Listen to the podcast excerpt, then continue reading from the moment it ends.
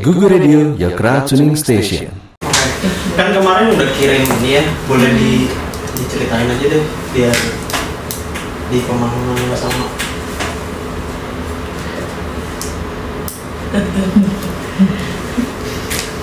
Jadi mau ceritain dulu.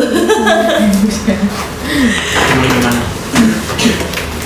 Jadi pertanyaan slide pertama itu penjelasan uh, akan konsep produk kita kayak produk apa sih yang kita tawarin itu produk yang uh, dari apparel, comfortable to wear karena bahannya semua pewarna eh karena bahannya adalah bahan natural.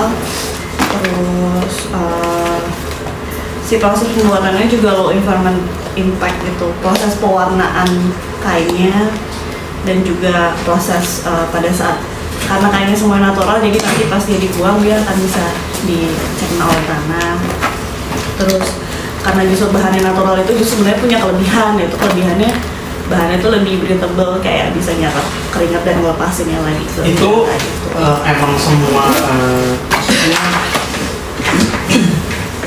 hanya bahan tertentu atau emang gini, apakah memang eh, semua bahan itu enggak eh, enggak environmental friendly atau kalian Iya. beli bahan khusus? Eh soalnya, Kak, soalnya ada bahan-bahan yang ada campuran polyester, nilon Oke. itu itu tidak environmental friendly karena tapi kita kita kurasi produk bahan-bahan yang 100% sehingga Iya, jadi lebih mahal atau enggak secara sehingga harga. memang secara harga jadi lebih mahal daripada yang sintetis dan tidak natural. Terus yang di kompetitor analisis dan positioning itu tuh maksudnya eh, ada kita ngebandingin eh, ada 11 eh, 11 ya? Termasuk kita ya? 11 eh, orang yang bermain di sini 11 brand yang bermain yang kira-kira punya konsep yang sama dengan ini apa ya dengan apa sih namanya? Produk yang beda-beda. value Value yang berbeda-beda sama sih. ininya juga sama tapi. Cuma Ah, beda-beda. Itu agak beda tapi uh, tapi masih serumpun gitu loh mas. Kayak rumpunnya apa? Misalnya yang itu eh, di, di area fashion sama expensive itu brand-brand yang memang dia offer value yang sama. Misalnya eh, serat alam juga warna alam juga tapi dengan spesifikasi beda-beda. Jadi misalnya warnanya beda karena tuh warna biru sendiri. Kemudian di Maji dia main dengan spesialisasi sendiri gitu. Sedangkan kalau yang bagian bawah affordable sama yang apparel itu maksudnya dia offer value tapi tidak eh, sebenarnya secara material tidak sama seperti yang itu gitu. Jadi mereka bisa dapat harga yang murah tapi eh, dia hanya offer value kalau bahannya nyaman terus Tapi tidak eh, lebih ramah Eh, dia disebutnya dia hanya input itu sebagai makanya dia lebih murah. Bahan ya tapi secara material yang dia pakai itu tidak tidak bukan bahan alami sebenarnya. Tapi premisnya dia sama. Ini enggak beda. Beda jadi? Cuma pakai mood dan mengambil pasar yang sama sih sebenarnya. Desain dan warnanya kira-kira sama dan brandingannya kira-kira mirip. Gitu. Kayak kalau yang di atas fashion dan apparel tuh maksudnya kalau fashion tuh dia lebih punya desain yang kayak yang gimana ya, lebih punya desain yang nggak bisa dipakai sehari-hari hanya bisa dipakai Hmm. untuk occasion tertentu aja yang yang trend forward gitu. Eh, al- lawan sumbu Y bawahnya itu adalah yang apparel bisa dipakai sehari-hari. Dan sumbu X itu dari harga sih. Kita ngelihatnya dari yang agak yang di sini emang nggak ada? Yang kayaknya- apparel dan ekstensif Mm-mm. kayaknya mesti di ada sih sebenarnya mungkin. Apa ya dilengkapin aja maksudnya biar biar punya pembanding gitu loh. Bahwa yang aparel dan mahal tuh ini loh gitu.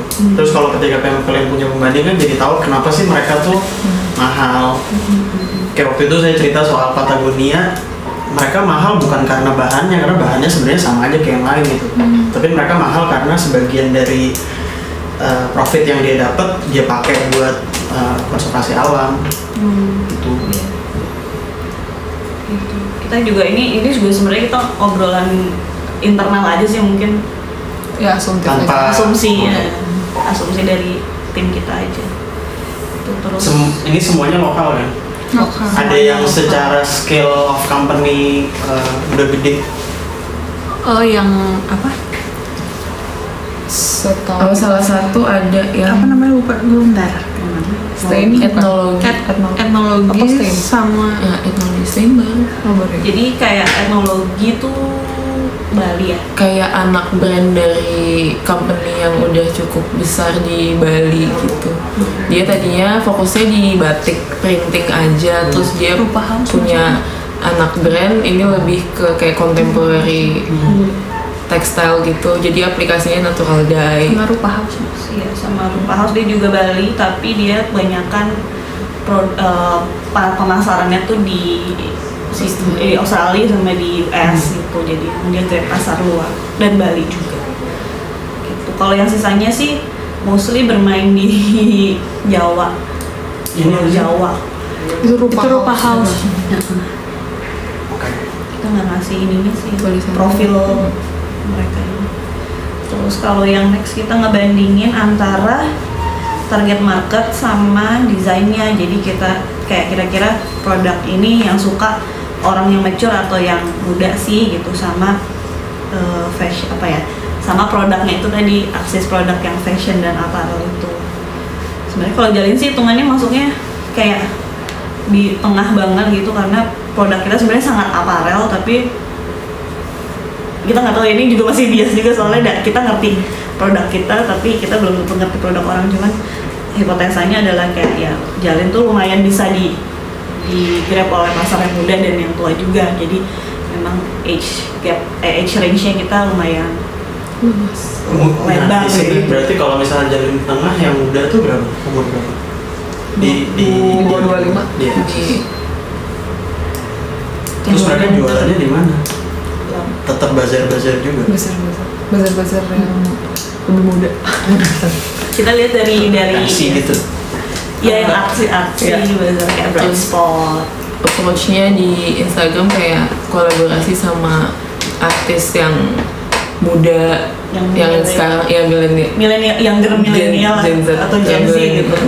Gen- Terus setelah itu kita ngebandingin harga dengan brand message-nya. Jadi eh, brand message akses Y-nya tuh yang yang ngomongin impact banget eh, eh, sama yang yang kayak ngomongin yang komersial banget. Komersial banget tuh maksudnya ya dia berlaku sebagai brand aja, sebagai branding aja, fashion house branding gitu. Sedangkan kalau impact tuh yang lebih antara dia ada per, apa ya obrolan tentang pemberdayaan masyarakat atau um, atau uh, Lingkungan. iya Bu, ya atau pedulian terhadap lingkungan gitu yang mereka omongin tuh. Nah dan yang aksis ads-nya itu adalah ya dia itu lebih affordable atau lebih luxury gitu sebenarnya. Terus kalau jalin sih jadinya kayak itu kenapa sih di tengah dulu dulu nggak sih? Di margin paling atas eh agak di tengah ke atas itu. Jadi kita sebenarnya kita masih pengen punya impact kita ngomongin itu juga. Cuman eh harga kita memang middle middle end gitu cuman tetap kalau dibandingin misalnya sama sama sukacita tuh yang impactnya paling gede dan paling paling harganya paling tinggi kita memang nggak bisa sampai situ karena Dia apa sih? itu produk-produk uh, natural dye juga baju aparel juga tapi dia pemberdayaan desa di Produksinya di desa. produksinya di desa gitu mungkin dan dia nge-nargetinnya memang konsumer yang apa ya affluent ke atas gitu loh. Konsumer yang yang luxury consumer gitu. Jadi dia pun men-state sebagai produknya sebagai luxury goods gitu. Jadi mungkin Berat, ini kayak si duanya ya? Iya, mirip-mirip. memanfaatkan si produksi dari desa gitu. Iya. uh, uh, Ya, dia ngembangin desa untuk bikin produk yang tapi ya kalau duanya kan masih harga yang har- ada affordable harga harga yang affordable masih ada kalau dia tuh bener-bener kayak goods banget. tapi yang akses paling paling kontrasnya itu adalah si Yuka Wear ini dan dan lepas yang bener-bener dia produknya harganya sangat terjangkau tapi eh, apa ya ya dia memang nggak nggak ada value impact apa-apa yang selain dari komersial itu Jualnya juga di online juga. Hmm, jualannya di online. Lepas nggak tahu apa ya? Pas lepas online. Online. Baru sih kalau Iya, mostly masih masih brand yang baru sih Yuka dan lepas itu. Kayak akhir tahun terus kalau untuk produk pricing and strategi eh, kita sudah mengimplementasikan ini cuma secara secara kuantitasnya belum. Jadi piramid paling bawah itu maksudnya eh, produk-produk yang lebih affordable-nya yang harganya memicu orang untuk impulse buying eh, sebagai kayak produk-produk aksesoris. Terus yang di tengah tuh eh, produk-produk kayak aksesoris tapi yang lebih apa ya bedanya? Lebih yang HPP-nya lebih tinggi lah. Hmm. dan yang paling atas tuh maksudnya produk-produk yang hmm, aparel gitu. Tapi kalau dari si yang tadi di awal yang paling mewakili justru yang paling atas. Ya nggak sih? Tapi sebenarnya kita bikin tas, bikin sepatu, bikin anting tuh semua dari sisa bahan bajunya. Jadi kita punya program kayak upcycle dan mengurangi sendiri. mengurangi sisa produksi. Jadi ya, kita kenapa kita belum kuantitas karena stoknya pun tergantung sisa sisanya sebenarnya. Sisa itu benar. dan kita ngumpulin sisa sampai banyak dulu gitu baru bisa Ini nunjuk si piramid ini nunjukin apa? Nunjukin SKU-nya atau nunjukin kuantitas uh, per SKU? nunjukin kuantitas secara keseluruhan sih sebenarnya idealnya kan seperti itu gitu cuman kalau sekarang kita masih banyak kan masih aparel sih jadi ini bentuknya rencana ke depan Tapi dari sini aja cara jualnya juga beda, beda juga. Segmennya juga agak beda kayaknya. Gitu mas. Sebenarnya emang pengennya tuh karena banyak waktu kita jualan ada orang-orang yang memang mungkin dia belum sanggup untuk beli bajunya tapi dia bisa beli aksesorisnya. Kayak gitu. jadi pengennya memang dengan pricing strategi ini bisa mencakup banyak segmen. Hmm. Cuma soalnya yang ini tadi saya nggak tahu berapa banyak yang uh, ini kan dari dari perspektifnya Jalin gitu. Tapi nggak tahu dari yang beli itu berapa banyak yang beli memang karena ini atau karena desain. Kalau misalnya karena desain berarti kan uh, yang dijadikan acuan mapping tuh sebenarnya misalnya yang ini gitu karena ada fashion sama uh, apparel sama harga lah misalnya gitu ya. Ini juga kan ada fashion sama apparel gitu.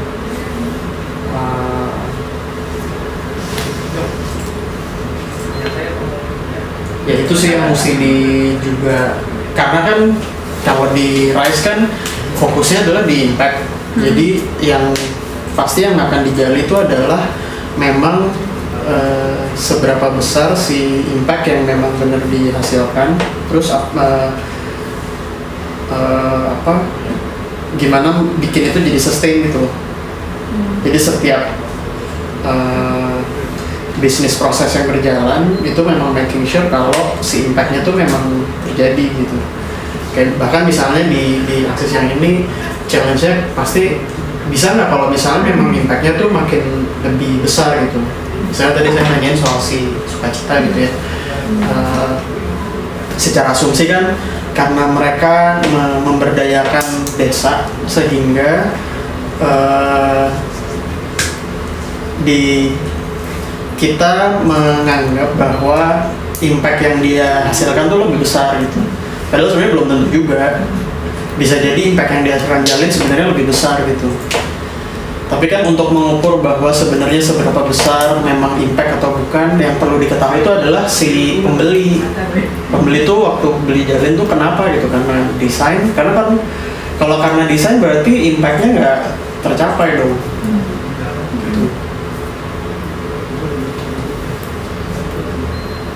Eh, desain bisa jadi eh, desain atau harga dan atau ya bisa jadi dua-duanya kan. desain dan atau harga bisa jadi salah satu eh, stealing attention kenapa orang mau beli gitu tapi ketika jadi social enterprise itu yang sealing the deal sebenarnya impactnya justru kan ketika di ketika ada yang sama atau harganya jalin harganya lebih mahal sedikit gitu. Tapi kan ada value bahwa giving an impact gitu. Dan itu yang bikin orang jadi lebih milih jalin daripada yang lain gitu. Kalau yang sama persis nggak ada ya? Yang head to head kalian anggap lah paling nggak head to head seperti sering ada di bazar bareng misalnya gitu kita pernah di bazar bareng Kana, bareng Sukacita, bareng Manung, bareng Imaji satu kapas juga pernah. Tapi mungkin ya mungkin head to head. Itu head banget. Kalau dari segi produk dan harga mungkin satu kampus paling dekat tapi dia bukan alam iya. Secara desain dia mirip masih eh, mirip-mirip oversize oversize ya. Hmm. natural fabric. Cuma dia juga si saus kapas nggak ngomongin impact juga. Mungkin kalau di websitenya tapi emang di di sosial media dia nggak nggak terlalu nggak terlalu panjang di situ tapi kalau di website dia communicating tentang fabric kalau sukacita tuh emang dari emang clearly bilang bahwa maksudnya nunjukin di boothnya bahkan gitu. bahkan kalau misalnya kita beli uh, produknya di kotaknya itu akan dikasih semacam postcard. Isinya foto dari pekerjanya yang bikin ada tanda tangan dari siapa pekerjanya saya yang bikin. Ini terus sebenarnya ada capnya juga. Nggak- maksudnya menunjukkan kalau produk ini tuh dibikin oleh siapa dia bilang kayak gitu gitu walaupun atas sesuai impactnya lebih gede dia ya. Apa ya atas sesuai impactnya lebih Iya. gede dia dengan maksudnya ya mungkin dia memang punya cara untuk Iya. nunjukin aja. Bisa jadi impactnya nggak nggak lebih besar dari Betul, kuliah juga sebenarnya tapi sebenarnya kita sendiri juga masih belum bisa impact apa kita berpikir bisa memang perlu karena kalau enggak nggak bisa nggak bisa tahu kan seberapa gede besar atau enggak. Dan itu akan balik lagi ke yang ini soal si environmental impact. Karena ketika ngomongin si eh, misalnya pakai kat pak ngambil dari ini aja low environmental impact kalau bisa ngomong low itu berarti tahu yang big tuh gimana gitu. Nah yang big itu seperti apa gitu. Dan kenapa kalian eh, apa ngambil yang impactnya tuh lebih kecil? Kayak di sini.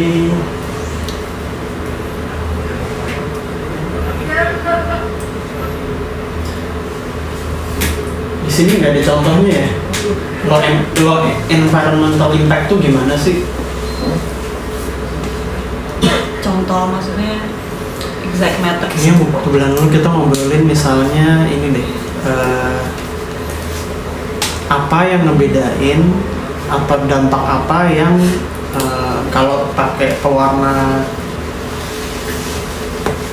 buatan tuh gimana?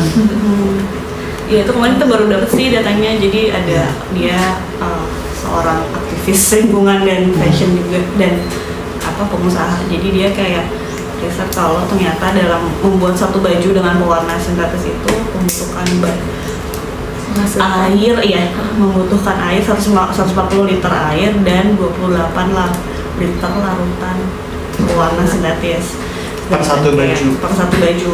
Jadi kayak bisa nggak sih kita ngitungnya kayak misalnya sejalin setahun jual 200 baju gitu. Kayak dalam setahun ini Jalin udah bisa mengurangi 500 sekian liter. Sekian selet liter. Dan bukan mengurangi ya meng, meng-avoid. Apa sih? Men- eh, men- menghindari sekian ratus liter warna limbah warna sintetis yang tidak terurai di di sungai. Gitu. bisa itu bisa jadi gitu. bisa jadi eh, acuan. Terus kan nanti kan kepinginnya kalau misalnya eh, tahun ini 500 tahun berikutnya naik gitu kan jadi 1000 jadi 1500 dan seterusnya gitu. Cuman kan eh, yang kemudian eh, mesti dirunut juga adalah atau paling tidak ini bisa jadi story bahwa kenapa emang kalau misalnya kenapa itu matters gitu? Kenapa pencemaran air misalnya dalam hal ini itu tuh jadi perhatian kalian? Karena cerita ini yang akan resonate ke yang lain sih ke ke pembeli gitu. Desa tuh paling gampang soalnya kan yang ngebangun desa gitu loh.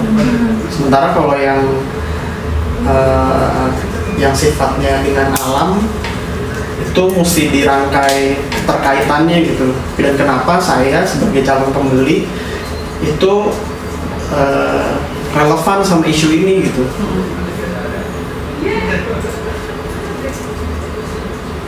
sebenarnya sih itu nyambunginnya sama kasus uh, di Sungai Citarum yang sekitar ada 400 ya uh, tag apa ya pabrik tekstil yang sebenarnya mereka udah mau uh, beberapa persen udah punya IPA pengolahan. Sebenarnya kan si limbah pewarna sintetis itu dia menjadi bahaya kalau dia nggak diurai dulu di bak di bak IPAL. Jadi se- mereka tuh biasanya uh, punya instalasinya tapi tidak digunakan karena karena kalau pakai IPAL itu kayak contoh kasus di Banjarmasin tuh jadi harga air tuh jadi naik 30% gitu loh. Jadi sebenarnya secara bisnis it, secara bisnis mereka itu tuh nggak visible gitu. Jadi mereka memilih untuk nggak mau pakai itu. Gitu. Dan kalau di Citarum itu jadinya ya si pabrik-pabrik ini ya mereka mengignore aja gitu aturan pemerintah segala macam sebenarnya udah ada aturannya dan udah ada instalasinya beberapa udah tapi mereka cuma memilih untuk kayak membuang aja gitu sedangkan kayak si pewarna sintetis itu kayak ter- ternyata kalau misalnya dia kena ke sungai jadi dia tuh akan menutup eh, cahaya matahari yang masuk. Jadi alga-alga di dalam tuh jadi pada susah tumbuh terus ikan-ikan jadi pada kena kena toksiknya juga. Terus kalau ikan yang nanti dimakan jadi ke manusia belum lagi kalau dia ngalir ke sawah. Nanti yieldnya jadi turun terus eh, aku nggak tahu sih kalau yang di Citarum itu gimana kasusnya cuma kalau aku lihat dari dokumenter di Ci di, nggak, di sungai sungai di Bangladesh yang banyak tercemar itu memang banyak kasus-kasus di mana anak-anaknya jadi kayak Down syndrome. Terus kayak eh, banyak kasus kanker kulit kanker usus gitu. Jadi memang punya dampak langsung buat penduduk di sekitar sungai itu Oke, kalau ngomongin isu, gitu. eh, ini kan kita mencari gimana caranya eh, mengkomunikasikan si dampak supaya relevan sama si customer gitu kan. Eh, semakin eh, relate sama si kebanyakan orang, kebanyakan customer, pasti akan semakin relevan. Jadi misalnya eh, kita bisa berhenti di pencemaran lingkungan atau kita bisa lebih lanjut sampai ke kesehatan misalnya. Tapi kan pasti yang akan jadi jadi pertanyaan soal kesehatan tuh eh, eh, apakah kesehatan itu berpengaruh ke saya langsung atau enggak gitu. Kalau misalnya dijualnya di misalnya ya dijualnya ke penduduk sekitar sungai, mungkin kan akan resonate ke mereka langsung gitu tapi kalau relevan sangat relevan buat mereka. Tapi kalau tapi kan jelas customernya kan bukan bukan mereka. Sehingga yang dibicarakan kan adalah uh, misalnya uh, menjaga dari pencemaran lingkungan gitu. Tapi itu yang mesti dicari gitu. Kenapa si pencemaran lingkungan itu uh, relevan buat calon customer? Dan ketika nanti uh, impact ngukur impactnya kan adalah ngukur impact soal pencemaran lingkungan gitu loh berapa banyak dampak yang diciptakan sama Jalin dalam menjaga uh, pencemaran lingkungan. Sehingga di beberapa hal bisa jadi kalian memang kerjasama sama uh, NGO uh, konservasi alam misalnya gitu ya. Memang fokusnya di situ gitu. Jadi nggak harus semuanya kalian kerjain juga. Supaya kalian juga punya data-data yang lebih akurat dan relevan juga gitu. Kayak tadi cerita ngobrol sama aktivis lingkungan ya. Itu kan jadi insight kan sebenarnya. Jadi jadi masukan dan jadi bisa uh, bisa ada story yang dibawa ketika uh, Jalin mengkomunikasikan produknya gitu. Kalau enggak soalnya uh, kalian nggak bisa bawa value-nya yang memang kalian bawa. Kan value-nya di sini kan salah satunya soal si low environmental impact kan. Uh, kalau misalnya ini nggak kelihatan dan nggak relevan sama orang ujungnya memang cuma desain sama harga. Dan akhirnya si yang ini uh, bagian yang ini jadi nggak ada ini yang price compare tuh uh, brand message yang impact sama komersial gitu ya jadi nggak ada value nya karena orang nggak ngelihat jalin sebagai yang memberikan impact gitu. Makanya waktu itu saya cerita uh, jalin kan seperti social atau uh, commercial bisnis lainnya selalu punya opsi untuk uh, ya udah memang berbisnis komersial kayak biasa tapi uh, punya dana CSR gitu buat lingkungan. Uh, mungkin dengan seperti itu barang yang dijual lebih banyak, keuntungan yang didapat lebih besar, uang dana CSR lebih gede. Dana CSR lebih gede, impact yang dihasilkan bisa jadi lebih gede juga. karena terukur langsung dari supply chain kita gitu ya eh bukan dari chain dari karena secara bisnisnya baik.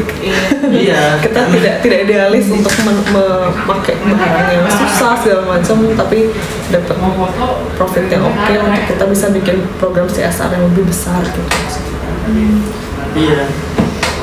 itu itu keras ngobrolin juga sih mas tapi belum sampai ke konkretnya apa sih gitu. Itu kan jadi kita belum jadi opsi karena kita belum belum sampai situ Si menjadi punya dana CSR. salah satu opsi kita pikir apakah kita uh, asuk apa alokasikan profit untuk ini ya gitu tapi kita belum sampai satu ke- belum kebayang banget atau satu yang yang konkret ya jadi belum belum mengarah ke sana sebenarnya secara bisnis pun sebenarnya masih struggling untuk survive gitu loh. Jadi ya kasarnya boro-boro boro-boro mau CSR gitu loh gimana sih?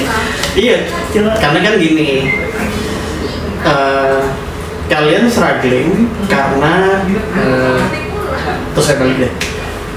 Kalau nggak pakai bahan ramah lingkungan, kan harganya bisa lebih murah, ya kan? Kalau harganya lebih murah dan desain dan kalian punya uniqueness di di desain, kan jadi lebih bisa bersaing kan?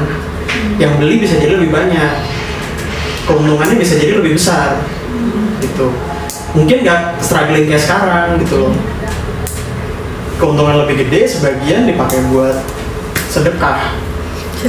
Mau sedekah ke alam atau apa ya tapi intinya kan itu gitu loh. Nah sekarang tuh pertanyaannya adalah eh, bahwa ini as a commercial eh, fully commercial atau emang sosial gitu kalau misalnya memang kayak sekarang jalan bahwa sebagian memang memberikan dampak yang perlu dipastikan adalah orang tuh memang memperhitungkan hal itu gitu. Makanya tadi saya bilang kalau misalnya ada yang datang terus beli bajunya hanya karena harga dan desain jadi sebenarnya secara dampak kalian nggak berhasil terhadap spesifik customer itu ya. Mungkin yang lain sih ya. Jadi itu yang mesti di, dicari sih apakah memang selama ini si customernya itu memang karena ada value impact yang kalian eh, kasih gitu. Kalau misalnya yang kata Mas Nono kemarin bilang yang sebenarnya yang kita jual ke customer itu pure fashion dan desain sebagai pintu itu. Tapi sebenarnya impact yang kita kasih itu sebenarnya untuk lingkungan gitu. Hmm. kalau gitu gimana? Tapi sebenarnya mentok lagi kita belum bisa ngitung nih impact eh, ke lingkungan tuh beneran ada impactnya apa enggak itu yang kita belum bisa hitung paling kita cuma bisa bikin asumsi yang pakai kali dikali aja gitu berapa baju. Ya itu Tapi makanya kan tadi bisa kerja sama. Oh sama NGO itu biasa banget. Iya, untuk dapetin itu. Bahwa eh, yang me- melakukan riset gitu-gitu tuh mereka gitu, yang memastikan bahwa memang pencemarannya berkurang dan segala macam tuh memang mereka gitu. Tapi ya ini jadi proyek kolaborasi, bisa jadi seperti itu. Kalau mau ngukur impact ya. Kayak eh, yang waktu bulan lalu saya bilang bahwa memang nggak harus serta merta apa yang kalian dapat itu tuh berada di bisnis yang sama gitu. Jadi target beneficiaries eh, orang yang mendapat manfaat dari dampak yang diciptakan sama si customer tuh bisa jadi dua hal yang berbeda gitu. Nggak harus yang sama. Cuman di ya mesti ditentuin aja.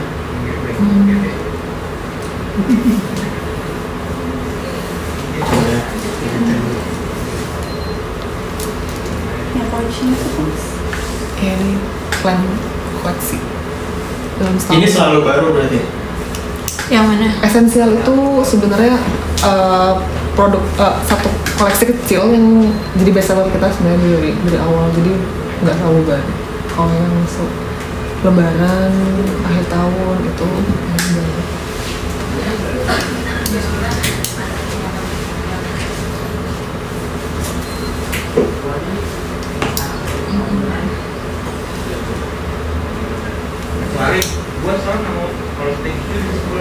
Ini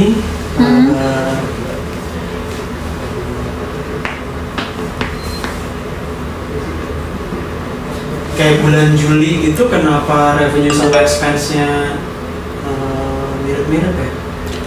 Eh, jadi di Juli Juli itu tahun lalu tuh ini ya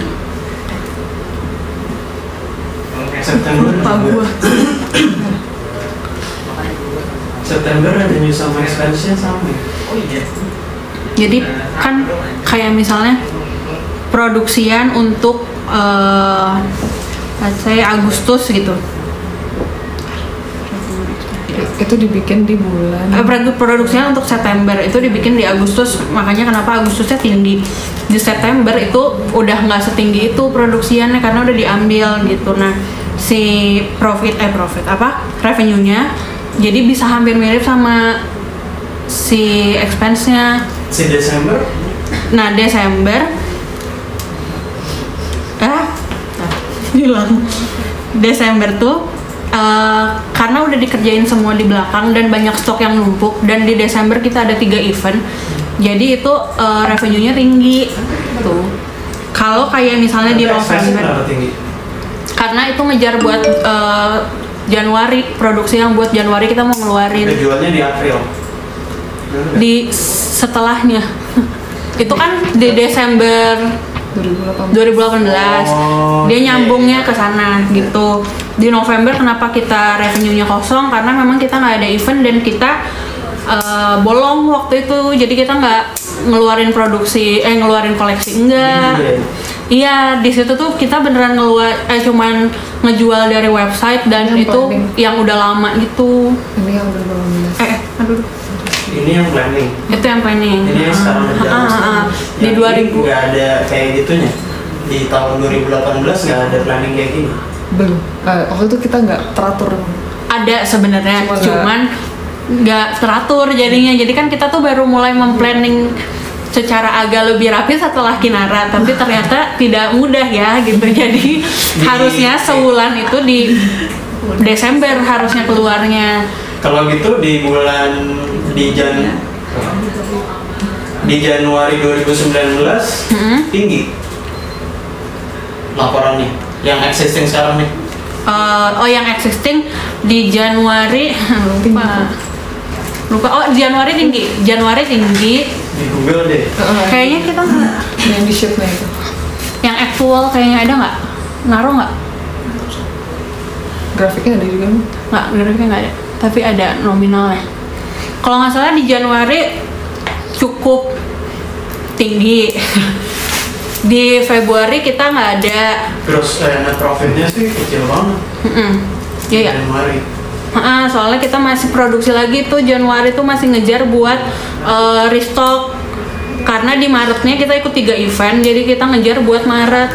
Kita produksi banyak tuh di Januari sama Februari waktu kita sih kejarannya sebenarnya waktu Januari memang nggak nggak minus aja dulu gitu. Tapi pas Februari nggak kekejar minus Februari kalau nggak salah ya. Karena ada produksi. Ada produksi tetap ada produksi. Nah di di Maret kita tetap ada produksi sih. Sebenarnya produksi itu berjalan terus kan cuman kayak kuantitasnya banyak atau enggak gitu.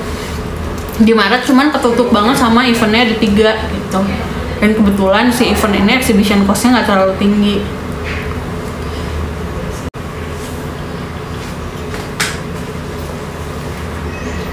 kalau dilihat dari laporan memang hmm, kenaikan dan penurunan itu sangat bergantung sama event sih mas. Iya. Dan jadinya emang kita kejar-kejaran banget kayak produksi produksi buat ngejar event ini gitu. Tapi yang kita nggak pay attention tuh pas lagi produksi kita ngejualnya gimana nih gitu. Makanya kebanyakan kalau misalnya kita lagi produksinya lagi naik itu eh, penjualannya pasti turun gitu. Padahal orangnya beda kan yang ngurusin produksi sama ngurusin jualan beda kan Eh, ngurusin jualan belum ada sih. Jualan yang belum ada produksi ada. Kita nggak punya orang yang buat jualan itu sih masalahnya kayaknya ya. Karena kalau di sini kan udah kalau di plan ini sih udah saling nutup ya. Harusnya ya ada yang maksudnya bayangan saya ya ini kan harusnya ketika punya collection baru Hmm. event yang diikutin juga banyak dong Hmm. ya kan dan persiapan buat uh, si collection ini berarti kan sebelumnya Hmm. ya kan di kayak misalnya buat si lebaran nih lebaran kan mulai dari tengah Mei ini kan udah ada event-event yang di aim nih Mm-mm. buat ikutan Nah, kalau sekarang problemnya adalah nggak di semua bulan ada eventnya. Jadi event tuh nggak selalu dikasih tahu di awal. Kayak Maret tuh kita planningnya dua event, ternyata ada tiga event gitu. Dan itu dikasih taunya nggak nggak dari nggak dari awal, maksudnya nggak dari awal tahun kita tahu gitu ada event itu. hanya bisa dikira-kira gitu Jadi akhirnya nanti, miss aduh ininya kurang, produknya di, kurang. di gitu. tahun ini yang sampai dengan bulan April ini Mm-mm. eh, dari Januari sampai April event apa yang kalian ikutin di tahun ini yang juga kalian ikutin di tahun dua tahun lalu Hmm, ada tiga event. Inacraft Di- Inacraft. di tahun ini Ah, hasilnya lebih bagus atau lebih jelek lebih bagus lokal market. Semua Ada satu yang nggak sebagus eh, tahun lalu. oke Semasa, semasa nggak sebagus tahun lalu. Lokal juga nggak sebagus tahun lalu, cuman masih bagus sih sebenarnya. Cuman tahun lalu bagus banget gitu. Tahun ini nggak nggak sebagus tahun lalu gitu. Ada satu event yang kita baru ikut tahun ini. Dan itu juga dikasih taunya kayak mendadak gitu. Soalnya kalau misalnya event itu kan udah paling gampang adalah kalau event ini berulang Mm-mm. dan dia memang menghasilkan sesuatu yang bagus, Mm. udah hampir pasti tahun depan harus ikutan, Ikut lagi. gitu. Iya, Apalagi kalau misalnya memang dia udah berulang karena kan udah udah pasti. udah pasti Ha-ha. gitu. Jack Love misalnya kan ya dia udah berapa tahun memang ada terus gitu dan kita kan udah bisa tahu bahwa memang pasti ada gitu. kalau yang pasti-pasti udah aku masukin sih mas cuman itu nggak tiap bulan ada gitu maksudnya yang udah pasti yang tahun lalu kita udah ikutin mah udah aku masukin udah dihitung gitu Hmm. cuman ada bulan-bulan yang memang nggak ada cuman kayak misalnya lebaran gitu jadi dihitungnya ya berarti selama nggak ada event sama sama aku si apa cost buat ads-nya digedein, cost buat marketingnya digedein. Jadi hitungannya ngeganti uang ikutan exhibition, aku ganti ke situ. Cuman belum tahu berhasil atau enggak gitu. Kalau yang pas Februari tahun ini ya, Februari tahun ini eh, nggak jadinya ya lost track sih sebenarnya kayak nggak ada yang ngurusin buat kayak ads-nya gimana ini gimana gitu nggak nggak nggak nyampe ke target yang ditentuin kayak gitu. Kayak misalnya di sini nih planningnya gimana di Lebaran Collection itu rilis di tengah Mei. harusnya tengah Mei. Nah, jadi ada juga eh, obstacle lain tuh ada order-order yang masuk di luar koleksi. Sementara supply chain kita ternyata nggak sekuat itu gitu. Kayak sekarang masuk ada wholesale order, kuantitinya lumayan. Jadi hmm, mungkin kalau dilihatnya secara eh, keuntungan ya mungkin achieve gitu. Cuman kalau dilihat dari collection ada yang miss gitu. Karena di lebaran collection kan harusnya dia koleksi yang besar. Cuman gara-gara ada order yang masuk terus itu udah mepet sama lebaran jadi si tukang jahitnya nggak bisa tuh Ini dapetnya dari mana? Si wholesale. eh, dihubungin aja out of nowhere. Eh, Dari- pernah lihat di event. event ketemu di event juga ketemu di event terus ngontak lewat email terus kayak udah kita ngobrol lewat Skype karena dia di Bali kan. Ya udah terus akhirnya ya dia ngorder gitu. Terus ada kayak pesanan made to order buat ini juga dia menghubungin lewat Instagram ya yang scarf. Oh link dia. Ada yang pesan buat souvenir dia nikahan. Ketemu di event juga. Mm-mm, ketemunya di event gitu. Jadi eh, ada order-order kayak gitu yang akhirnya memang mengganggu cycle koleksi keluar sih gitu. Tapi secara bisnis gimana si wholesale ini? lebih oke sebenarnya makanya kayak ya udahlah gitu.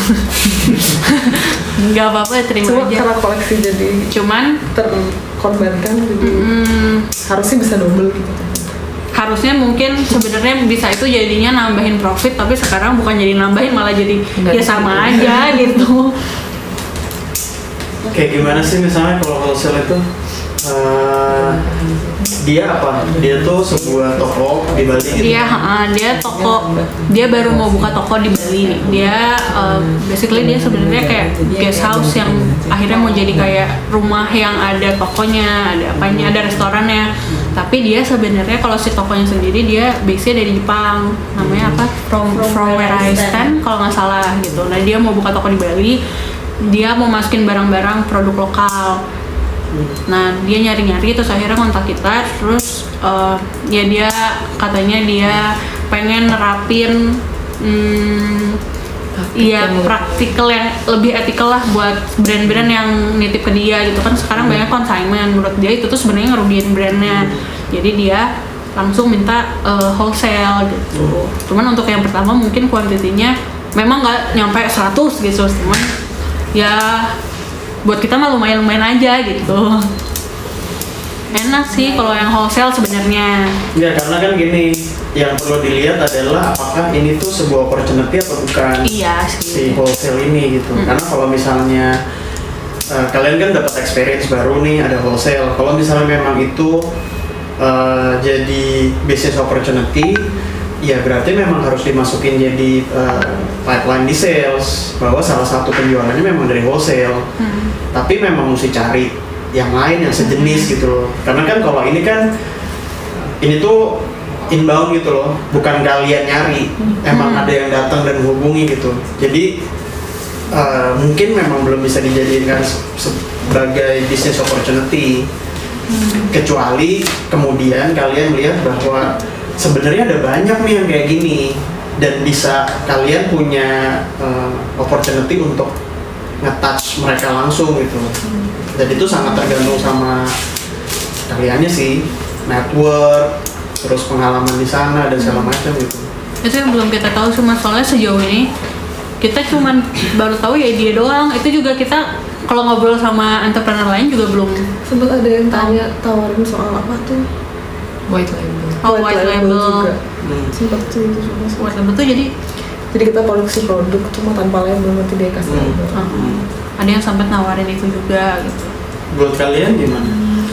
kita belum tahu ya kita kemarin masih mikir-mikir gitu apa nggak apa-apa ya apa ya gimana ya berarti ya Iya, belum pernah juga sih. belum pernah harus juga dikuatin sih supply chain-nya sekarang.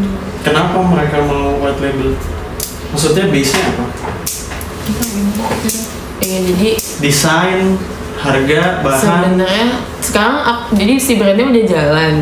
Kayaknya emang mereka lagi nyari vendor yang bisa ngerjain langsung semuanya. Jadi mereka tinggal terima jadi mungkin dari value-nya masih selaras sama yang dia ambil dan dia utarakan lewat brandnya gitu. Emang kebetulan kayak dia ngomonginnya tentang ya environmental juga gitu. Jadi emang nyari vendor yang bisa ngerjain produk sejenis itu serupa itu Yang dia jual juga branding soal environmental. Iya, tapi gitu Ini makanya. same bukan sih? Iya, makanya kayak kemarin iya takutnya terlalu mirip sebenarnya terus takutnya begitu keluar gitu? lah sama gitu gimana mungkin ya Ya sebenarnya Belum paling gampang sih. PR. Eh, kalau dari sudut pandang impact, Mm-mm. semakin banyak yang menggunakan dengan metode yang sama, kan impact Semakin semakin gede. iya. Itu terserah deh brandnya mau apa, mau brand saya, mau brand yang lain dan segala macam gitu. Tapi eh, konflik interestnya adalah gimana ngegedein ininya, makanya ngegedein si brand sendiri, makanya eh, brand kita sendiri. Makanya jadi yang jadi pertanyaan adalah eh, dia waktu menggunakan kita itu atas dasar apa gitu? Atas dasar impact yang memang sama atau karena desain atau karena apa gitu? Sehingga kalian juga bisa melihat oh kalau misalnya sebabnya karena itu toh dia akan ngebantu uh, dampak yang ingin kita ciptakan gitu. Sebenarnya nggak masalah juga harusnya. Hmm. cuman ya mungkin PR kayak desainnya mungkin kayak gitu-gitu yang harus bikin diferensiasi sama jalin karena mirip-mirip gitu. Kan agak takut nanti oh sama gitu persis. Sekalian aja gabung. Nggak apa-apa dong. Kalau misalnya justru salah satu yang bisa kalian lihat adalah gimana cara dia ngebangun brandnya. Ya sih. Komunikasi di mereka apa gitu. Karena bisa jadi uh, karena kan salah satu opsinya adalah memang akhirnya jadi mungkin memang bukan from end gitu loh. Iya Emang- backendnya doang. Uh, uh, produksi aja yang ramah lingkungan dan segala macam itu diberesin sama Jalin itu tapi tetap punya produk sendiri tapi sebenarnya bukan itu yang utama itu kayak tadi soal wholesale gitu bisa jadi wholesale itu bisnis opportunity. Tapi kan kita hanya bisa melihat sesuatu sebagai bisnis opportunity ketika uh, opportunity-nya sustainable. Kalau cuma sesekali sih itu ya by luck aja gitu. Belum tentu sustain. Nah balik ke sini berarti kan dari plan collection ada yang keganggu nih. Mm-mm. Eh, eh, target rilis Lebaran collection jadi nggak sesuai. Enggak, masih berusaha sebenarnya cuman ya masih diusahakan. Cuman kalau terakhir yang kepikir memang eh, koleksinya apa nggak usah besar ya Tapi gitu kalian juga tahun lalu Lebaran nggak gede juga. nggak bikin apa-apa mas sebenarnya bukannya gimana? Baru tahu kalau Bukan kandungan bukannya- fashion dan apparel itu selalu tinggi ya? iya Tapi untuk event-event yang kita aim itu lebaran nggak ada sih? Eventnya. eventnya nggak ada dan kita juga nggak produksi lebaran sih memang tahun Iya lalu memang kita eh, tidak Kalian disiplin gede. sih memang Kalian bedanya pas apa? Hari Bumi. Eh, event ya inakraf gitu adi wastra yang kayak gitu-gitu sih akhir tahun sama awal tahun ini sih yang banyak Masih belum sinkron nih si eh, impact yang kalian mau tuju. eh, bisnis opportunity seasonalnya gitu itunya tuh belum belum match gitu. Karena eh, saya nggak tahu ya di kayak sekarang nih kan hari bumi tuh kemarin ya.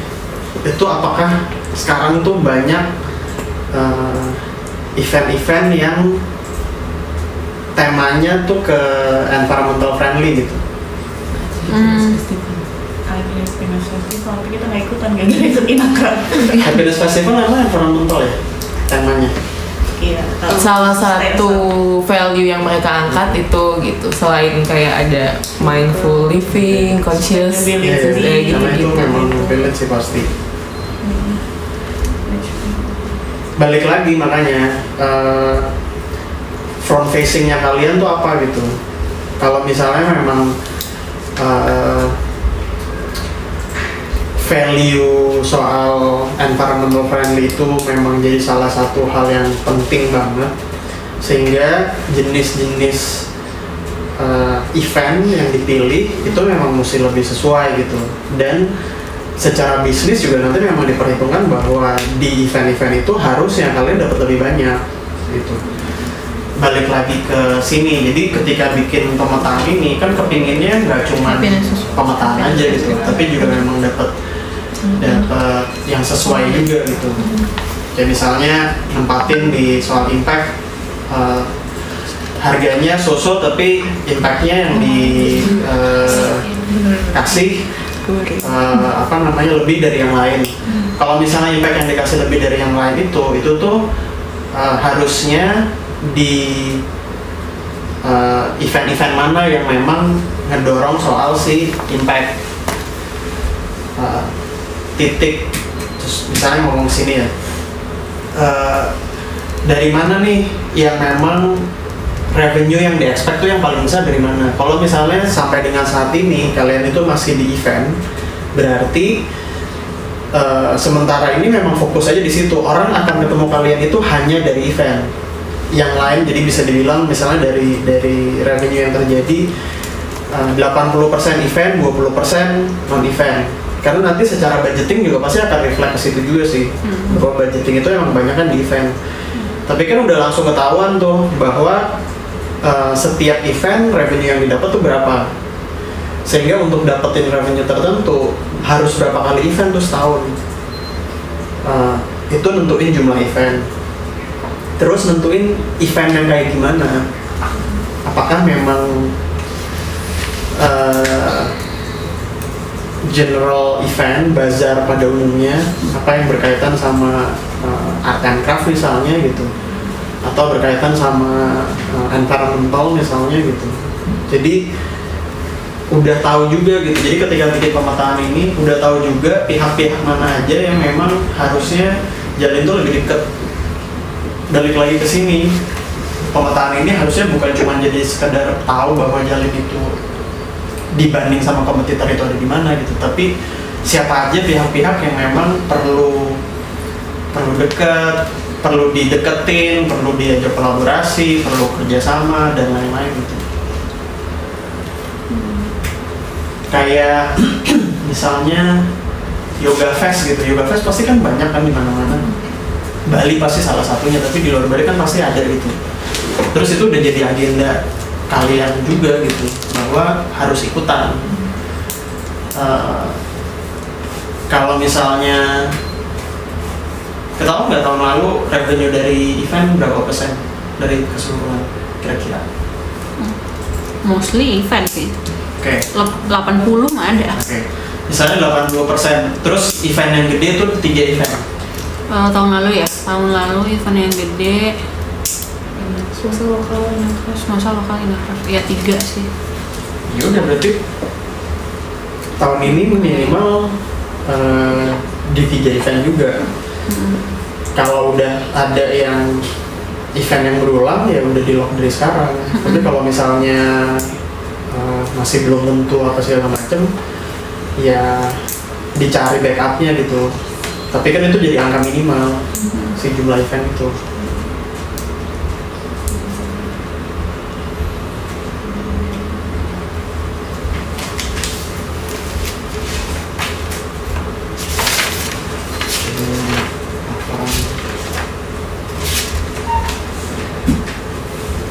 Tapi kalau dilihat dari plan yang sekarang udah lebih dari plan ya kan? Iya, karena jadi pas bikin planning emang di sama ratain sih mas kayak harga kain sama semua. Harga jahit sama semua gitu kan. Tapi ya ternyata pada kejadiannya kan ya harga kain kita nggak pakai yang semuanya mahal gitu. Jahit pun nggak semuanya kita pakai harga tinggi gitu. Jadi eh, Bukan revenue- sales yang lebih ini cewek. salesnya juga. Jadi salesnya lebih tinggi dan eh, harga cost produksinya pun lebih rendah. Gitu. Nggak nggak selalu sih cuman eh, mostly gitu. Kalau di tiga bulan ini. Plan, si total monthly salesnya lebih berapa? Iya. tiga kali lipat. Iya memang sih. Bulan Maret. Ini yang di atas tahun lalu? Nggak itu tahun ini. Ah, emang udah plan? Itu plan kita tahun ini sebenarnya. Ada event apa ada ini apa. Masih ada yang bolong sebenarnya kayak bulan Juni. iya iya kayak itu tuh nggak ada event sama sekali gitu. Itu kita belum dapet tuh event di bulan itu apa gitu. Nggak harus juga sih. Mm-mm. Berarti kan kalau nggak ada event berarti kan eh, Eh, ads-nya sih yang dikuatin. Web website harus dikencangin. websitenya. Atau mungkin di bulan-bulan itu kita kerja sama sama influencer exhibition cost-nya juga nggak ada kan jadi nol. Iya, jadi nol. Itu yang belum berhasil kita lakukan sih sebenarnya mas. Kalau misalnya lagi nggak ada event, ini nih naikinnya ini salah gimana? satunya yang saya komentar di sini aja ini kan ketika kalian punya eh, ini saya masukin soal marketing cost ya marketing cost kan ada dua nih Mm. satu advertising cost satu lagi exhibition cost Mm. dua-duanya marketing cost total kan eh, di bulan ini kan kalian bikin advertising costnya semua sama Hmm, hampir rata lah 3 juta, 3 juta dan seterusnya kan sementara buat si uh, exhibition cost itu tuh gede. gede Mm-mm. ya kan ketika ada di sini harusnya ini enggak Lebih gede lagi. Harusnya lebih gede lagi. uh, bukan bukan dipindahin gitu karena kan exhibition cost itu kan menghasilkan 80% revenue Oh, uh-uh. Sementara si advertising cost itu kan sejauh ini ya, itu kan yang lain-lain di luar dari event, itu kan menghasilkan 20%. Hmm, Jadi harusnya komposisinya total ini itu tuh 80 banding 20 hmm. gitu. Hmm, reflect cost tuh mesti itu. Nggak harus di kalau misalnya karena kan gini kalau misalnya eh, saya di luar dari event saya cuma dapat 20%, saya nggak bisa cost saya hampir sama sama event dong. Oke. kalau nggak nombok nanti kegedean kosnya kecuali ketika dijadiin 4 juta ini bisa mengganti bisa menggantikan si 80% revenue Hmm. Iya. Kecuali memang sengaja dikencangin di bagian yang non event karena emang kita pengennya gitu. Iya. cuman tidak pernah terjadi. jadi memang pengennya gitu mas kalau misalnya nggak exhibition. Kalau nggak ikut exhibition exhibition pameran kalau nggak ikut pameran pengennya kita dapat dari Website. penjualannya dari website gitu. Full walaupun memang tidak pernah terjadi sih mungkin ya benar kata Mas Rama. Gimana tadi? Sebenarnya kalau nggak ikutan pameran? jadi gini kan kita dapat uh, revenue tuh dari exhibition 80% dari ads 20% kalau kita jadi perbandingan antara ads sama exhibition harusnya sebanding sama perbandingan perjualan penjualan kita. Jadi misalnya hmm, ya exhibition costnya 8 juta ya adsnya 2 juta gitu kalau ads-nya 4 juta ya bawahnya exhibitionnya 16 juta berarti gitu karena Sesuai dengan kita dapatnya kan lebih banyak heeh, lebih banyak dari exhibition Nah, ketika nggak ada pameran dan hanya ads, Itu di switch balik. apa? Nah, kalau misalnya mau di switch, yang hasil dari iklan itu harus menghasilkan si 80%. Bisa nggak? Eh, Kalau misalnya nggak bisa, jangan. Jangan di-spend sebanyak itu gitu maksudnya. Karena tetap aja kan bisa di-spend, apa, spendnya bisa tetap minimum untuk tetap ngejaga paling nggak sih 20%-nya tetap masuk gitu. Jangan cost-nya terus ditaruh di sana tapi di sana nggak menghasilkan apa pun gitu loh. Karena kan titik berat kalian memang masih di event event.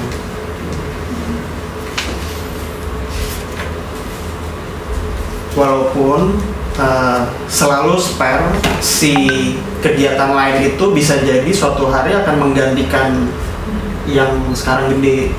Jadi misalnya uh, contoh nih uh, kalau selama kalau di bulan Juni sama Juli itu memang lagi uh, low karena di uh, apa namanya ya misalnya karena lebaran terus habis itu nggak ada event dan segala macem uh, yang bisa kalian lakukan kan adalah bukan hanya soal iklannya tapi juga memang uh, eksplorasi gitu loh jualan dengan cara tertentu bikin afiliasi bikin nyobain jualan di mana nyobain di mana dan segala macem nyobain jualan di luar gitu itu kan uh, hal-hal yang perlu dicobain di kala eventnya tuh lagi nggak ada.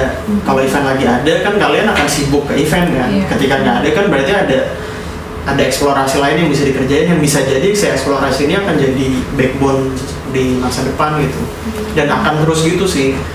Jadi mindsetnya kalau pakai Pareto Law kan selalu 80-20 mindsetnya adalah 20% tuh it might be 80% in the future gitu tapi sekarang memang harus spend si 20% yang harus ada tuh ruang buat nyoba dan segala macam gitu.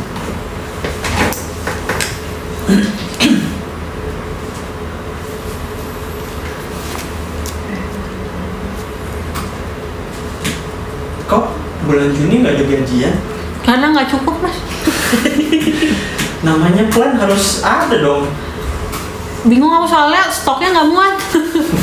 Jadi mau dipenuhin juga nggak muat. Nggak, maksudnya stoknya nggak jadi mau jual stoknya semua pun nggak bisa gajian gitu. Karena stok kita nggak nggak masuk ke yang Ini padahal kalian udah masukin THR. ah, belum. Belum dapet HR emang agak kasihan Jadi gimana ya? THR mau asuransi. Soalnya gini, kalau namanya plan itu harus dimasukin semuanya di batas minimum. Bukan ideal ya, karena kan kalau ideal kan kalau aku masukin jadinya minus gimana ya harus dibikin untuk Nggak apa-apa? Enggak, namanya juga berarti plan. oh, kan oke. kan plan jadi target. berarti minus produksinya naikin yang sebelumnya Iya. oh. Namanya kan plan kan. Terus kan akan punya dampak mundur ke belakang gitu. Karena ada yang ini, karena punya kebutuhan Hmm. ini, maka harus begini begini begini gitu. Jadi jadi eh, memang bikin plan itu kan bolak-balik gitu.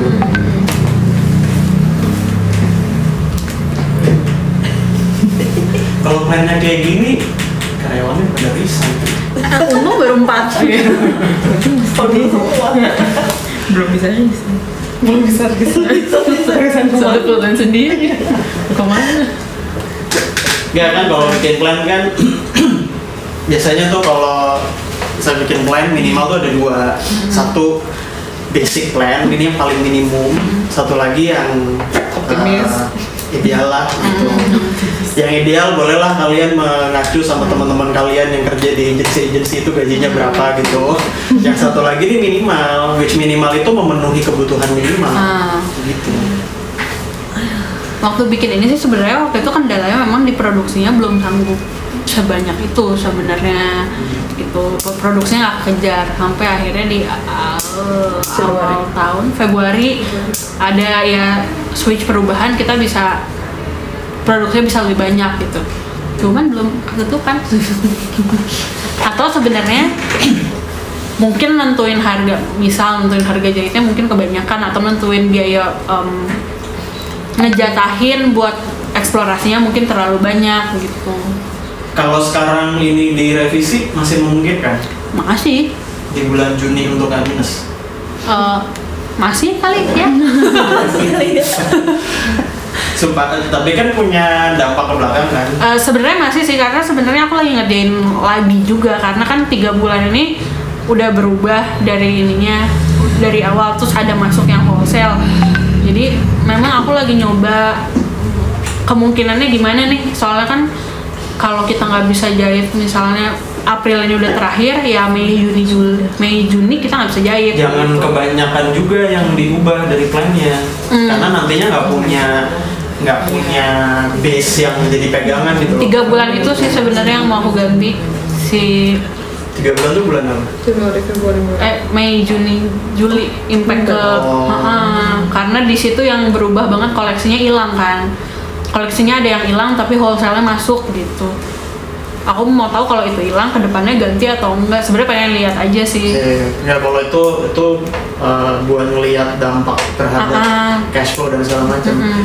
Maksud saya di sininya sih. oh oke. Di sini kan uh, salah satu hal uh, yang perlu dari perhatian itu adalah salah satu yang utama yang menurut saya salary itu nggak boleh minus.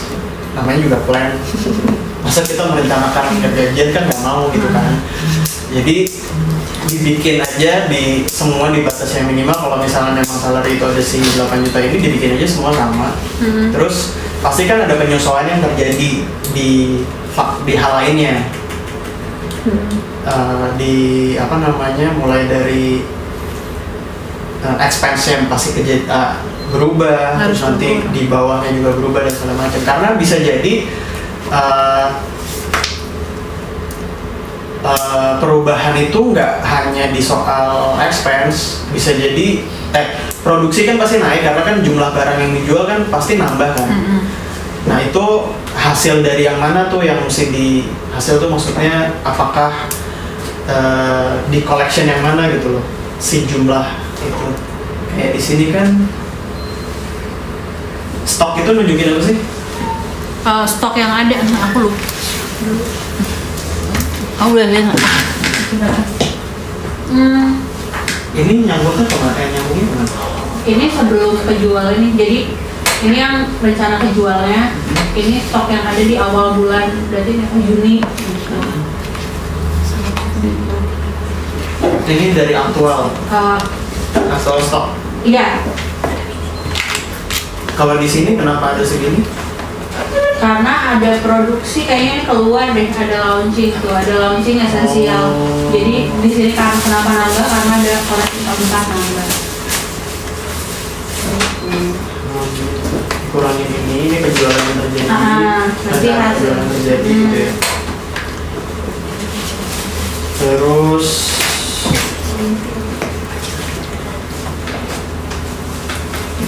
ya, tujuh tuh ini dikurangin ini di 98 tuh apa? 98 tuh essential collectionnya di plus 98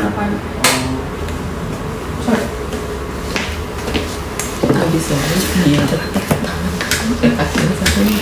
Sampean Kok 98 nya ada dua kali? Ada di Agustus sama September?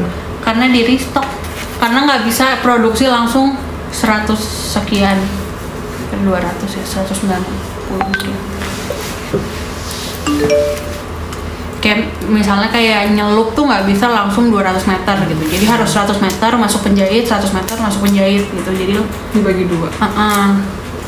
begitu yang sek- yang pertama keluar dari penjahit itu kita launch dulu Itu sama sih eh, ketika kalian jadi kan selalu ketika bikin financial plan itu yang jadi dasar utama adalah kebutuhan minimal.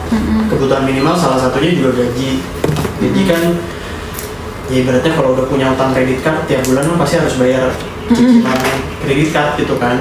mau gaji artinya kan gajian itu harus tiap bulan gitu kan. Nah itunya kalau ketika bikin plan itu harus eh, ada terus gitu. Eh, ketika terus jadi minus berarti ada yang perlu dilakukan di sebelumnya. Misalnya dalam hal ini eh, kalau gajian di bulan Juni terus jadinya minus. Berarti kan di bulan Mei harusnya ada penjualan yang lebih banyak. Ya kan? Gimana caranya supaya penjualan bisa lebih banyak padahal stoknya nggak cukup misalnya gitu ya? Berarti kan produksi di bulan sebelumnya Maret atau April itu harus direncanakan supaya punya stok yang cukup sehingga di bulan Mei bisa jualan sehingga di bulan Juni nggak minus. Kan relate-nya pasti begitu tuh gitu. Sehingga ketika bikin collection tuh bisa jadi bukan karena eh, seasonnya. Tapi karena memang butuhnya gitu. Ya, oke. Kemarin kita terbalik sih. season dulu. Kita season dulu iya. hari ini juga. Iya. Bunda.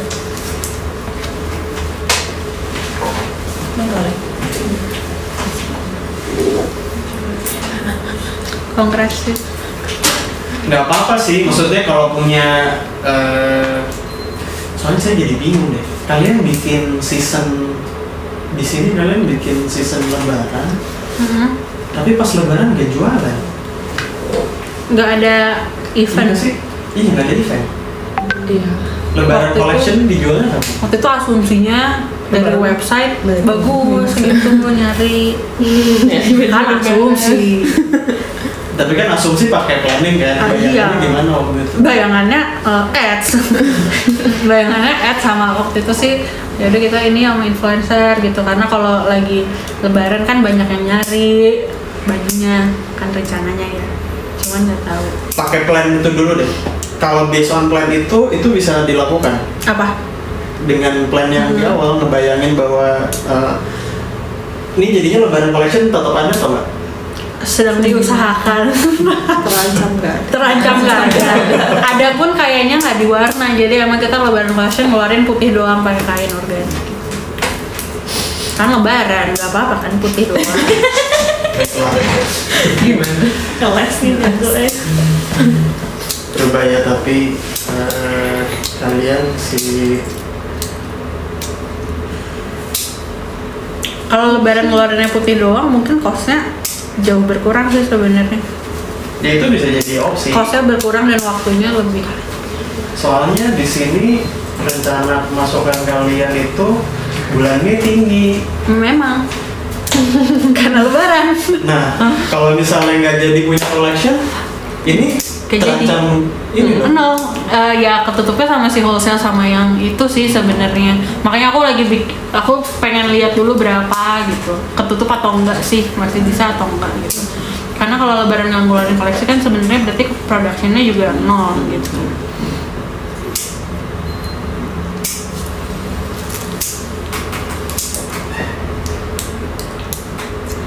Dari sini paling enggak yang mesti di jadi kalau bisa si eh, di simulasi yang sekarang Mhm. dimasukin supaya si gajinya ada semua salary-nya ada semua Ya. Eh, kalau misalnya ada rencana buat iklan nih misalnya di bulan Mei Juni Juli Hmm. eh, mungkin nggak kalau itu misalnya tetap dijalanin kalau misalnya tetap dijalanin barangnya punya atau Ada enggak atau enggak. gitu kalau misalnya nggak punya berarti kan mesti tadi tuh misalnya salah satu kan ini kan kalian kan eh, rencananya jadi agak berubah karena eh, ada wholesale. Sehingga nggak bisa punya lebaran collection. Nah yang mesti dipastikan kan adalah apakah eh, rencana pemasukan Hmm. itu tergantikan sama si wholesale ya kan? Iya. kalau misalnya enggak tuh gimana? Eh, terus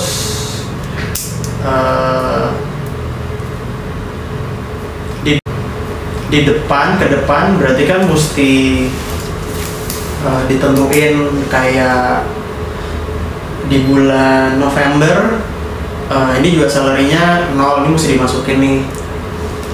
Ketika masukin salary-nya dampak ke belakangnya gimana?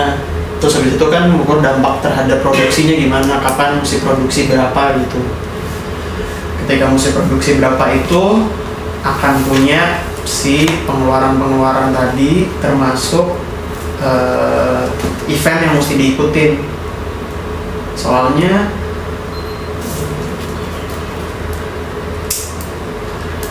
menuju ke November cuman ada bright spot. Itu juga catatannya belum tahu ikutan apa enggak. Kalau misalnya enggak jualannya kapan? Agustus. Sebenarnya semasa Semasa Agustus. ya. Masa tuh Agustus sama akhir tahun.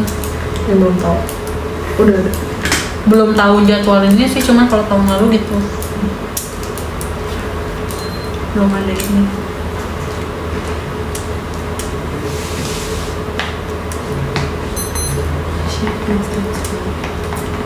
Mbak enggak? Yang tahun lalu ada dua kali. Basya. Terus gini, di sini eh, jumlah transaction itu nggak reflecting ke event. Mm-mm. Padahal Harusnya eh, iya. kalian kan bilang bahwa 80% masih dari event. Mm-mm. Berarti kan harusnya itu begitu ada event jumlahnya harusnya lebih banyak. Nah. Gitu.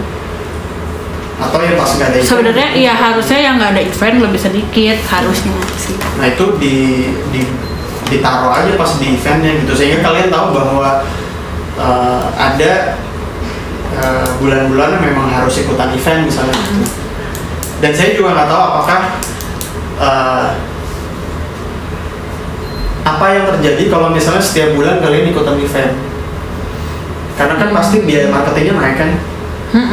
Kalau biaya marketing naik terus eh, itu dampak terhadap si yang di bawah gimana? Mm.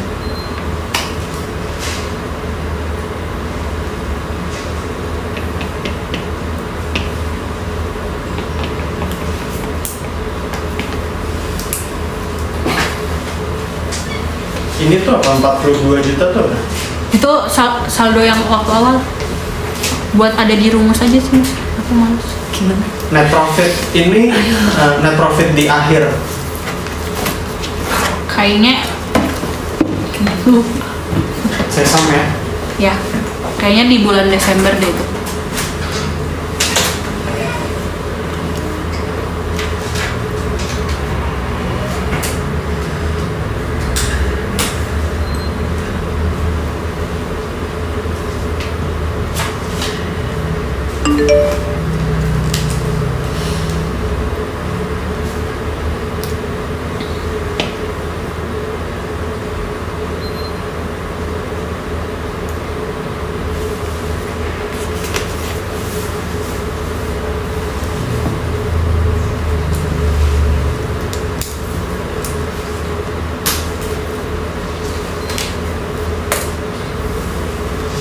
Kalau di fashion tuh berapa persen ya?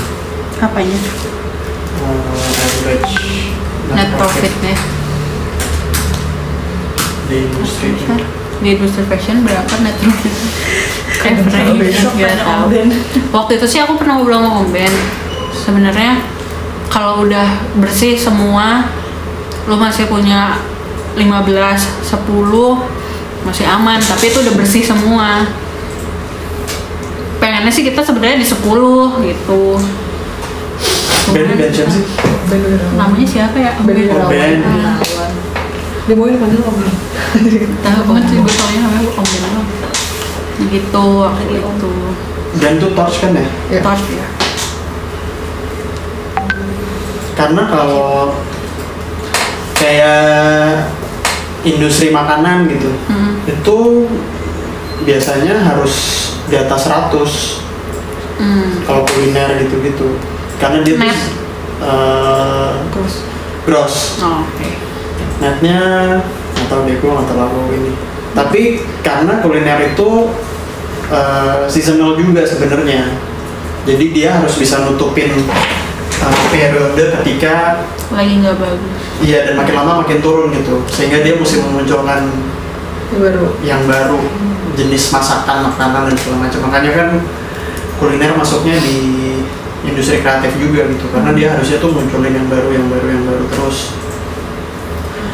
In overall bisnis biasanya di 20 20 sampai 22 ini bisnis in general ya net profit itu. 20 sampai berapa? 20 sampai 22 Nah nggak tahu nih kalau misalnya kalian di sini net profitnya 14% itu eh, cukup atau enggak gitu. Nah kalau ngomongin impact itu ngomongin bahwa eh,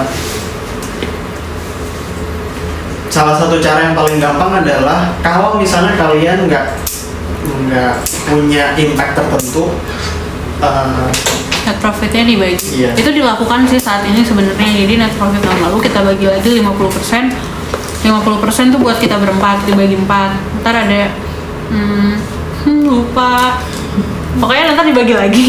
Ada berapa persen memang kita ada buat tabungan ada buat eksplorasi ada buat eh, zakat atau ya investasi ke orang. Bukan investasi maksudnya kayak naruh ke orang lain buat di peruntukan untuk hal baik gitu. Sebenarnya per- persenan itu udah ada cuman belum tahu. Misalnya kayak tabungan ini tuh sebenarnya aku belum tahu ini tuh mau dipakai buat apa gitu. Tapi aku sisihin 20% atau 25% gitu.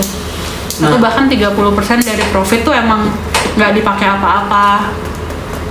Tapi belum tahu mau dialokasi ini ke mana. Net profit itu sebenarnya biasanya dibaginya cuma ada tiga. Mm-mm. Eh, eh, pembagiannya hanya eh, tiga setelah eh, laba ditahan. Artinya untuk tabungan modal tahun depan. Eh, jadi biasanya tuh yang dipakai idealnya adalah tiga bulan. Kalau misalnya selama tiga bulan kalian nggak ada yang beli sama sekali, tapi kalian tetap harus gajian running dan nggak gajian dulu. Jadi buat opex tuh. Heeh. Nah itu tuh butuhnya berapa? Itu satu. Terus habis itu eh, kalau misalnya butuh untuk modal bisnisnya, itu kalian butuh berapa? Jadi misalnya buat menghasilkan si collection baru karena eh, mau jualan nih gitu. Nah itu tuh butuh modalnya berapa? Nah itu eh, didapat dari si si net profit tadi. Terus habis itu eh, rencana ke depan mau ngapain? Jadi sebagian si, si yang ditabung itu adalah untuk si planning ke depannya mau ngapain. Misalnya kalian mau buka outlet gitu. Nah, buat buka outlet kapan dan kebutuhannya setiap tahun harus berapa itu masuk di situ. Sisanya itu yang dinamain dividen. dibagi Ya, nah dividen itu ada tiga lagi pembagiannya. Eh, pemilik, perusahaan, dan karyawan. Pembagiannya berapa persen, siapa yang lebih besar, itu tergantung RUPS. Ya dirapatin aja gitu. Bisa jadi tahun ini lebih banyak ditabung, jadi sebagai tambahan tabungan buat perusahaan. Eh, atau gue mau jalan-jalan ya, ke mana gitu berarti lebih besar ke dividen eh, ke pribadi pe- pemilik gitu. Atau eh, kayaknya kita mau bikin outing berarti ya sebagian eh, dimasukin ke karya bukan outing nih outing udah masuk ke opex.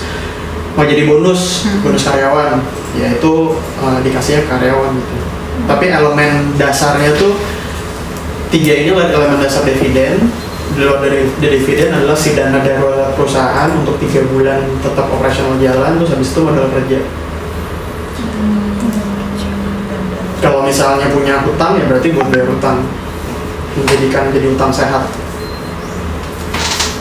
Jadi kalau tadi pertanyaannya nggak tahu buat apa eh, nggak tahu buat apa aja nah itu tuh harus ada di situ tuh eh, harus meliputi itu semua.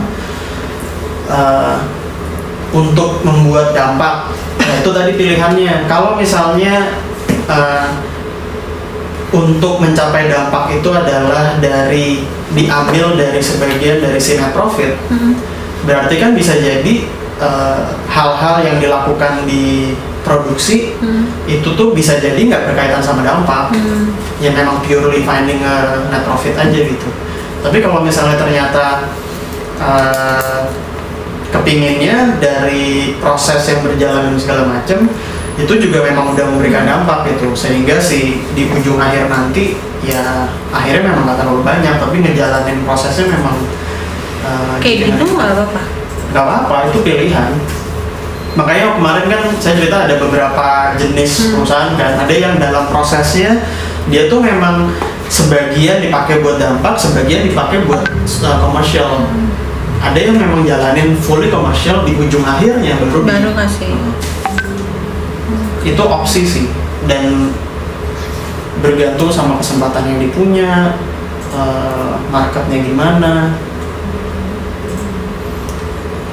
Makanya tadi saya bilang gitu ada misalnya yang saya ngambil ekstrim. Kalian berusaha mati-matian untuk jualan produk fashion eh, produk apparel dan kemudian mengkomunikasikan eh, value sosial yang kalian bawa. Uh, berusaha setengah mati dan ngasih tahu ke orang bahwa ini nggak cuman bagus secara desain tapi juga memberikan dampak. Sehingga uh, ketika orang beli dia punya kesadaran penuh bahwa dia juga berperan serta terhadap environmental misalnya gitu ya. Uh, atau pilihan lain pokoknya barang lu bagus. Harganya segini. Udah beli aja. Dan ini harganya sesuai dan segala macam gitu. Tapi nantinya dari yang didapat itu kemudian dikasih untuk eh, konservasi alam dan segala macam gitu. Ya, ketika jualan nggak perlu gembar-gembor banget bahwa ini tuh eh, apa namanya environmental friendly dan segala macam sebenarnya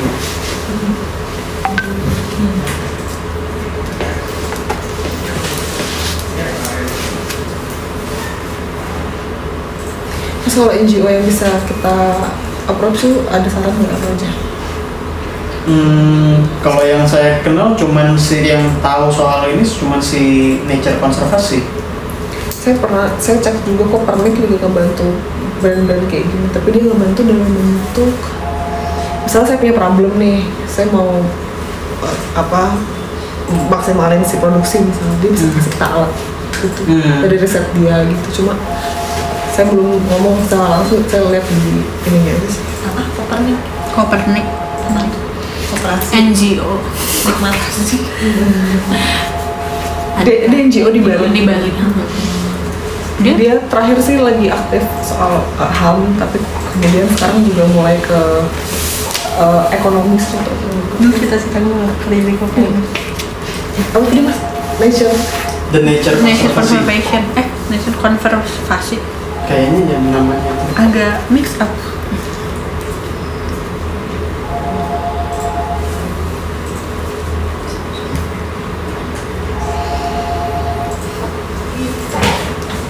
Itu dulu deh. Kalau soal business plan eh, di adjust yang nggak gajian di direncanakan gajian. Bahwa aktualnya gimana kan itu tergantung cash flow. Tapi kalau ngomongin rencana harus direncanakan gajian. jadi kita tahu harus ningkatin di bagian mana Yes. Eh, sehingga tahu bahwa ini kalau mau gajian harus begini di bulan ini produksinya gitu. ya produksinya berapa eventnya berapa. Fashion mah harusnya udah pasti naik di bulan ini nih, Mei, harusnya. Ya kan? iya. Karena lebaran Karena jadi momentum yang bagus juga buat branding, dua-duanya dapet. Soal soal bisnisnya itu, uh, soal impactnya, uh, kalau menurut saya mesti yang perlu itu adalah gimana cara kalian ngedorong soal si uh, impact value sebagai hal yang di depan membuat jadi alasan orang kenapa dia mau beli atau uh, additional aja gitu. Kalau kalian tadi ngasih contoh si siapa namanya? suka cita Sukacita uh, gimana dia mempackage dan segala macam itu kan cara dia berkomunikasi, cara dia branding dan lain-lain gitu. Uh, ya didesain aja. Karena menurut saya sih itu uh, cara gitu dan pilihan bisa jadi seperti itu bisa jadi enggak. Dia, dia cara ngedelivernya aja yang di Mm-mm. di ini dengan jadi perjelas eh, di percantik gitu lebih sangat lebih komunikatif soal value. komunikatif. Uh, in terms of business uh, kita coba ini ya beberapa alternatif karena uh, iya kalian perlu punya event terus yang mesti dieksplor adalah apakah perlu setiap bulan atau enggak. Uh, kalau saya dari segi bisnis kalau 80% adalah event eh adalah dari event kalau bisa tiap bulan ikutan Event. event, gitu. Agak capek tuh. Tapi kalau misalnya ya artinya kan eh, akan ada dampak yang tambahan kan makanya ketika bikin plan itu akan ada simulasi-simulasi itu gitu. Tiap bulan ada event atau sebulan sekali ada dua event bahkan gitu. Oke bisa kalau sebulan event tapi nggak cuma berempat harus nambah orang yang memang dia akan eh, jaga si ketika lagi jualan gitu. Berarti kan si operational expenditure-nya nambah tuh. Kayak gitu-gitu. Eh, ketika tiap bulan ada event eh, net profitnya naiknya seberapa besar? Karena kan biaya marketing buat exhibitionnya kan juga nambah. Eh, terus ada alternatif lain? Kalian punya pengalaman wholesale? Dari pengalaman ini karena belum ada yang sebelumnya agak-agak ngacak-ngacak flow produksi nih gitu. Tapi bener nggak sih secara revenue itu eh, promising gitu? Eh, kalau misalnya promising berarti kan perlu ada eh, wholesale yang lainnya yang secara sadar memang diusahakan bukan yang inbound bukan yang datang gitu. Eh, tadi sempat nyebut merchandise gitu. Kalau ngomongin NGO gede-gede eh, nggak cuma nggak cuma NGO kan. Banyak perusahaan yang secara ISO itu itu tuh udah mesti environmental friendly ketika dia bikin merchandise udah harus pasti fulfilling itu gitu. Dan non aqua gitu itu udah pasti sih. Dia bikin apa pun pasti udah harus environmental friend- friendly itu tuh nge-approach-nya em- by email aja. Blast- Biasanya- blast email aja gitu. Iya. Kalau bisa telepon telepon. Kalau bisa meeting gitu Bahkan dapat tanggal itu kan dari email. Blast email. Eh, biasanya bukan ke ini brandnya biasanya ke orang corporate corporate communication. Biasanya ke situ. Eh, dan nggak harus NGO gede. Karena eh, apalagi kalau yang kayak the- si nature conservancy itu setiap kali dia bikin event pasti dia nyarinya memang yang memang eh, environmental friendly gitu Stella kalau bikin event kemarin aja udah nggak pakai aqua itu botol. Emang udah nyediain dispenser dispenser. Maksudnya itu kan akhirnya udah built in ke si setiap company-nya gitu. Nah itu mungkin bisa jadi sesuatu yang dieksplor Uh, in terms of impact yang mesti dicari adalah ya tadi mau seberapa besar itu dikomunikasiin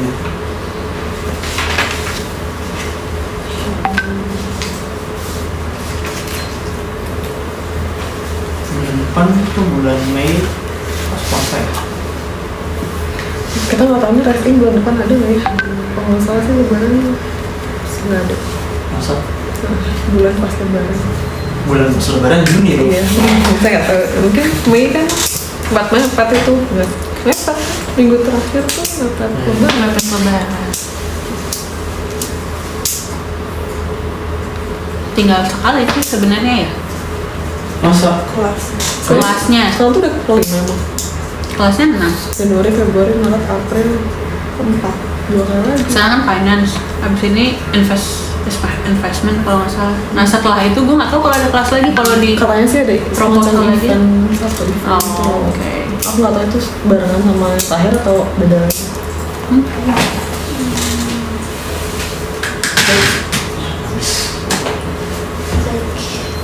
Ada lagi yang ditanya Nggak ada PR kita. belum cuma itu tadi Banyak kita ya. Sangat seru dulu. nulis kan